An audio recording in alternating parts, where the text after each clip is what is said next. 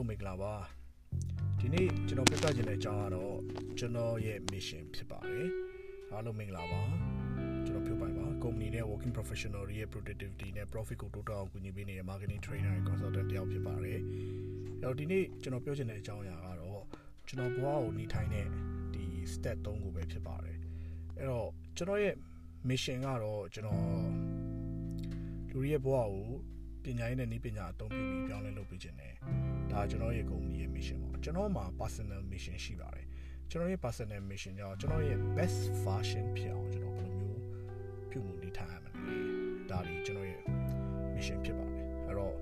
လူတွေကတက်တက်မှာတစ်ခါပဲလူလာဖြစ်တဲ့အချိန်မှာနေတိုင်းနေထိုင်ရပါတယ်ဒီနေထိုင်တဲ့အချိန်မှာကိုကိုကိုအကောင်းဆုံး version ဖြစ်ဖို့အတွက်ဆိုရင်ကျွန်တော်တို့တွေလေးလာတည်ပြောင်းလဲတင်တာတွေပြောင်းလဲရပါတယ်အဲ့တော့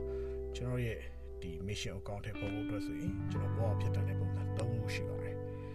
ဒါတော့ကျွန်တော်က SDS လို့လည်းခေါ်ပါတယ်နံပါတ်1 S ကတော့ကျွန်တော် study လုပ်ပါမယ်တနည်းအားဖြင့်ပြောရမယ်ဆိုရင်အရင်တော့ဆိုရင်ကျွန်တော်စိတ်တက်ခဏခဏကြာတတ်တယ်အဲ့တော့ဒီ emotion နဲ့ပတ်သက်လာရင်ကျွန်တော်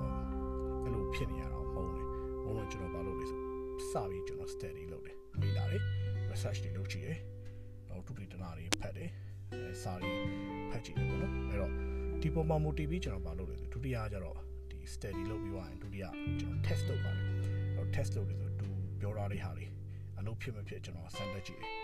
အဲ့တော့အောင်မြင်တဲ့လူတွေ best performer တွေ high လုံးဝ highly effective ဖြစ်တဲ့လူတွေပြီးသွား research တွေစာအုပ်တွေတွေဟာတွေကိုကျွန်တော် test လုပ်တယ်စမ်းသပ်ကြည့်တယ်အဲအမှာတချို့ပိုင်းတွေကအလုပ်ဖြစ်တာရှိတယ်တချို့ပိုင်းတွေအလုပ်မဖြစ်တာရှိတယ်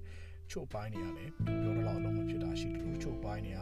marketing မလုပ်ပေမဲ့အရန်ကောင်းတဲ့အပိုင်းရှိတယ် အဲ့တော့ကျွန်တော် test လုပ်တယ်ပြီး learn လုပ်တယ်အဲ့တော့တတိယတစ်ချက်ဒီ S ကတော့ကျွန်တော် share ပြန်လုပ်ပါအဲ့တော့ share လုပ်တယ်ဆိုတာကျွန်တော်လေ့လာတာတွေဟာတွေဟို social media မှာပဲဖြစ်ဖြစ်စာရေးတာပဲဖြစ်ဖြစ်ကျွန်တော်လုပ်တယ်ပြီးသွားရင်တော့ကျွန်တော် teach လုပ်ပါတယ်တချို့ပိုင်းနေဆိုရင်ကျွန်တော် organize teacher လုပ်တယ်ပြီးသွားလို့ရှိရင်သူ့ရဲ့ learning object တွေရအောင်ကျွန်တော် teach ပြန်လုပ်ပါတယ်ဒါတွေကျွန်တော်ရဲ့ mission ဖြစ်ပါတယ်အဲ့တော့ကျွန်တော်ရဲ့ mission ဟာဘဝမှာအကောင်းဆုံး best version ဖြစ်ဖို့အတွက်ဒီလိုဖြစ်ဖို့အတွက်ဆိုရင်ကျွန်တော်လုပ်တဲ့ study test and share လုပ်ပါတယ်အဲ့တော့ miss လို့မအောင်ဘဝကိုဘယ်လိုပုံစံမျိုးဖြစ်တယ်လဲကိုယ့်ရဲ့ဘဝ model ကိုဘယ်လိုတိစောက်ထားလဲ